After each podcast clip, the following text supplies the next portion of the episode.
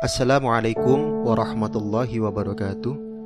Alhamdulillahilladzi arsala rasulahu bil huda wa dinil haq lidhhirahu ala dini kullih wa kafa billahi syahida. Asyhadu an la ilaha illallah wahdahu la syarikalah wa asyhadu anna Muhammadan abduhu wa rasuluh la nabiyya ba'da. Allahumma sholli ala Muhammad wa ala ali Muhammad amma ba'du. Pendengar yang dirahmati oleh Allah Subhanahu wa taala, kembali hadir di tengah-tengah Anda semua Buletin Dakwah Kafah edisi yang ke-145 20 Syawal 1441 Hijriah bertepatan 12 Juni 2020 Insya Allah akan mengangkat tema Islam menghapus rasisme Mudah-mudahan pendengar semua senantiasa dalam lindungan Allah senantiasa dalam keberkahan dari Allah Subhanahu wa taala. Bismillahirrahmanirrahim. Amerika Serikat memanas. Di tengah pandemi COVID-19 yang merepotkan Amerika, terjadi demonstrasi di lebih dari 75 kota di Amerika, melibatkan puluhan ribu pengunjuk rasa. Bentrokan antara polisi dan pengunjuk rasa pun tak terelakkan. Polisi menembakkan gas air mata. Sebaliknya, pengunjuk rasa melemparkan batu sekaligus menggambar berbagai grafiti di mobil polisi. Kerusuhan ini dipicu oleh kematian seorang pria berkulit hitam bernama George Floyd usia 46 tahun pada tanggal 25 Mei 2020 di Minneapolis, Minnesota. Beredar video yang menunjukkan George Floyd ditekan keras dengan lutut oleh seorang polisi berkulit putih Bahkan saat George Floyd mengeluh dan memohon bahwa dirinya tidak bisa bernafas, polisi tetap terus menekan leher George Floyd. Kejadian itu mengingatkan memori kasus Eric Garner. Dia juga meninggal di tangan polisi di New York pada Juli 2014. Kematiannya memicu demonstrasi besar. Mereka menentang kebrutalan polisi dan menjadikan kekuatan pendorong gerakan Black Lives Matter atau nyawa orang kulit hitam itu berarti. Situasi di atas semakin memanas. Pasalnya, Presiden Amerika Serikat Donald Trump mengancam akan mengerahkan militer Amerika untuk melawan warganya sendiri yang terus berunjuk rasa. Dia mengatakan, ketika penjarahan dimulai, penembakan dimulai. Mengapa di Amerika Serikat yang terkenal sebagai negara kampiun demokrasi terjadi konflik rasial yang berulang. Bagaimana solusi Islam mengatasi diskriminasi rasial atau rasisme? Pendengar yang dirahmati oleh Allah Subhanahu wa taala, dalam bukunya berjudul An American Dilemma, Gunnar Myrdal menyinggung bahwa diskriminasi rasial dan kesenjangan ekonomi telah menjadi cacat bawaan demokrasi Amerika. Diskriminasi rasial tak bisa dilepaskan dari mulai masuknya orang-orang Eropa ke benua Amerika dan berdirinya negara Amerika Serikat. Mereka berkulit putih. Mereka mengklaim sebagai ras superior. Mereka lalu melakukan berbagai aksi kekejaman terhadap penduduk asli Amerika. Berdirinya negara Amerika telah meningkatkan diskriminasi rasial secara legal. Amerika memperluas perbudakan atas ribuan orang kulit hitam Afrika. Mereka didatangkan ke Amerika untuk dipekerjakan secara paksa pada ladang dan tambang baru. Memang perbudakan berakhir dengan amandemen ke-13 Konstitusi Amerika pada tahun 1865. Namun, rasisme tidak hilang dari masyarakat Amerika. Lalu dibuatlah Undang-Undang Hak Sipil tahun 1964 itu pun karena desakan gerakan perjuangan warga kulit hitam Amerika yang menuntut hak-hak sipil mereka. Namun, secara praktis, diskriminasi terhadap warga kulit hitam di tengah masyarakat Amerika terus berlangsung. Bahkan, tokoh gerakan kulit hitam, yaitu Malcolm X dan Dr. Martin Luther King menjadi korban pembunuhan. Warga kulit hitam sering dicap sebagai pelaku kejahatan, dan mengalami perlakuan sadis oleh polisi. Menurut sebuah laporan yang dirilis oleh situs Pandit Fact Amerika Serikat pada 26 Agustus 2014 oleh Katie Sanders, rata-rata 36 jam pada 2012 dan 28 jam di tahun 2013 warga kulit hitam terbunuh oleh polisi Amerika. Banyak orang kulit hitam terus hidup dalam kemiskinan dan marginalisasi Menurut laporan Josh Well dari tahun 1974 hingga 2018, pendapatan rata-rata orang kulit hitam pada tahun-tahun tersebut masih termasuk yang terendah di Amerika. Menurut laporan yang sama, pendapatan rata-rata orang Amerika adalah sekitar 26.000 dolar per tahun. Sedangkan rata-rata orang kulit hitam Afro-Amerika hanya berpenghasilan sekitar 17.000 dolar per tahun. Kondisi politik, ekonomi, dan pengadilan yang tidak adil di Amerika selama beberapa dekade terakhir telah menyebabkan sedikitnya 50% anak-anak kulit hitam hidup dalam kemiskinan. Menurut statistik resmi, tingkat pengangguran di antara orang kulit hitam jauh lebih tinggi daripada orang kulit putih. Pendapatan yang diperoleh orang kulit hitam jauh lebih rendah, bahkan dalam beberapa kasus separuh dari kulit putih.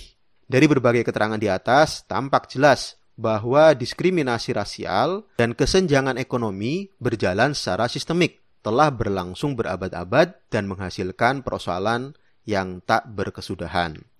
Demokrasi di Amerika yang menghasilkan kebebasan dalam memiliki akhirnya melahirkan sistem kapitalisme Kapitalisme telah melahirkan ketimpangan ekonomi dan sosial yang menimpa banyak warga kulit hitam. Akhirnya, sampai kapan pun, konflik rasial di Amerika tak akan pernah hilang. Saat ini pemicunya adalah kematian George Floyd dan viralnya perlakuan sadis polisi. Pada masa depan, kasus-kasus serupa lainnya juga dapat kembali memicu ledakan konflik rasial yang bisa lebih parah seperti api dalam sekam, dapat terbakar kapan saja. Inilah alasan kuat bahwa demokrasi sering menumbuh suburkan diskriminasi, termasuk diskriminasi rasial atau rasisme.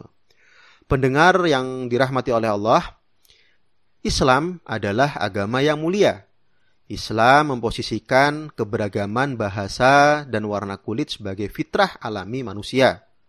Keragaman sekaligus membuktikan kekuasaan Allah Subhanahu wa taala. Sebagaimana dalam firman-Nya Quran surat Ar-Rum ayat 22, A'udzu billahi minasyaitonir rajim. Bismillahirrahmanirrahim. Wa min ayatihi khalaqus samawati wal ard wa ikhtilafu alsinatikum wa alwanikum.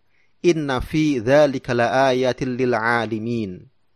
Di antara tanda-tanda kekuasaannya ialah dia menciptakan langit, dan bumi, serta ragam bahasa dan warna kulit kalian. Sungguh pada yang demikian benar-benar terdapat tanda-tanda bagi orang-orang yang mengetahui. Menurut Imam Asuyuti, segala ciptaannya ini sebagai petunjuk bagi orang yang mempunyai akal dan ilmu. Islam juga memandang keberagaman suku bangsa sebagai sarana untuk saling mengenal. Dalam surat Al-Hujurat ayat 13, A'udzu billahi minasyaitonir rajim. Bismillahirrahmanirrahim. Ya ayyuhan nasu inna khalaqnakum min dzakari wa untha wa ja'alnakum syu'uban wa qabaila lita'arafu. In akramakum 'indallahi atqakum. Innallaha 'alimun khabir. Hai manusia, sungguh kami telah menciptakan kalian dari laki-laki dan perempuan. Kemudian kami menjadikan kalian berbangsa-bangsa dan bersuku-suku agar kalian saling mengenal. Sungguh, yang paling mulia di antara kalian adalah yang paling bertakwa. Sungguh Allah Maha Tahu lagi Maha Teliti. Rasulullah Shallallahu Alaihi Wasallam dalam berbagai sabdanya mempertegas bahwa kemuliaan seseorang bukan ditentukan oleh warna kulit maupun suku bangsa, tetapi ditentukan oleh ketakwaannya kepada Allah Subhanahu wa taala pesan Rasulullah Shallallahu Alaihi Wasallam saat haji wada menarik untuk diperhatikan. Beliau menyampaikan pesannya saat tiba di Namiroh, sebuah desa sebelah timur Arafah. Di depan ribuan jamaah haji, beliau antara lain bersabda, Sungguh ayahmu satu, semua kalian berasal dari Adam. Adam diciptakan dari tanah. Tiada kelebihan orang Arab atas non-Arab. Tiada kelebihan non-Arab atas orang Arab kecuali karena ketakwaan. Tiada pula kelebihan orang putih atas orang hitam. Tiada kelebihan orang hitam atas orang putih kecuali karena ketakwaan. Bahkan Rasulullah Shallallahu Alaihi Wasallam pernah sangat marah kepada sahabat Abu Zar al Ghifari radhiyallahu an saat berselisih dengan sahabat Bilal radhiyallahu an. Pasalnya Abu Zar radhiyallahu an memanggil Bilal dengan sebutan Ya Ibda Sauda, hai anak seorang perempuan hitam. Rasulullah dengan tegas mengatakan kepada Abu Zar, Abu Zar, kamu telah menghina dia dengan merendahkan ibunya. Di dalam dirimu terdapat sifat jahiliyah. Silahkan bisa dilihat di Al-Baihaqi, Kitab Syu'ab Al-Iman, jilid 7, halaman 130. Teguran keras Rasulullah Shallallahu Alaihi Wasallam ini merupakan pukulan berat bagi Abu Zar. Abu Zar sampai meminta Bilal untuk menginjak kepalanya sebagai penebus kesalahannya dan sifat jahiliyahnya. Dalam riwayat lain, Nabi pernah bersabda kepada Abu Zar, Ungzur fa innaka laisa bi khairim min ahmara wala aswad illa an tafdhulahu bitaqwa. Lihatlah, engkau tidaklah akan lebih baik dari orang yang berkulit merah atau berkulit hitam, sampai engkau mengungguli mereka dengan takwa. Hadis riwayat Ahmad. Dalam perjalanan sejarah Islam saat diterapkan dalam sistem khilafah, terbukti berhasil menyatukan manusia dari berbagai ras, warna kulit, dan suku bangsa. Hampir dua per tiga dunia selama lebih dari 10 abad. Hal ini tak mampu dilakukan oleh ideologi lain. Wilayah-wilayah yang dibebaskan oleh khilafah Islam diperlakukan secara adil. Mereka tidak dieksploitasi seperti yang dilakukan oleh negara-negara imperialis pengemban peradaban demokrasi kapitalisme. Dakwah Islam oleh khilafah dilakukan tanpa memaksa non-muslim untuk memeluk Islam. Islam hadir untuk memberikan rahmat untuk alam semesta, bukan hanya manusia. Islam mampu menyatukan umat manusia dari berbagai ras, warna kulit, suku bangsa maupun latar belakang agama menjadi sebuah masyarakat yang khas. Semua itu terwujud dalam suatu naungan sistem khilafah Islam. Hal ini sangat jelas diakui oleh sejarawan barat Will Durant dalam bukunya berjudul The Story of Civilization. Islam telah menguasai hati ratusan bangsa di negeri-negeri yang terbentang mulai dari Cina, Indonesia, India hingga Persia, Syam, Jazirah Arab, Mesir bahkan hingga Maroko dan Spanyol. Islam telah mewujudkan kejayaan dan kemuliaan bagi mereka, sehingga jumlah orang yang memeluk dan berpegang teguh pada Islam pada saat ini, tahun 1926, sekitar 350 juta jiwa. Islam telah menyatukan mereka dan melunakkan hati mereka walaupun ada perbedaan pendapat maupun latar belakang politik di antara mereka. Wallahu alam biswab. Demikian buletin kafah edisi 145 tentang Islam menghapus rasisme. Mudah-mudahan kita semakin yakin bahwa satu-satunya yang bisa menyelesaikan berbagai macam persoalan termasuk rasisme hanyalah Islam. Semoga Allah segera memenangkan Islam dan kaum muslimin dan menjadikan kita sebagai hambanya yang senantiasa istiqomah untuk memperjuangkan Islam. Terima kasih. Wassalamualaikum warahmatullahi wabarakatuh.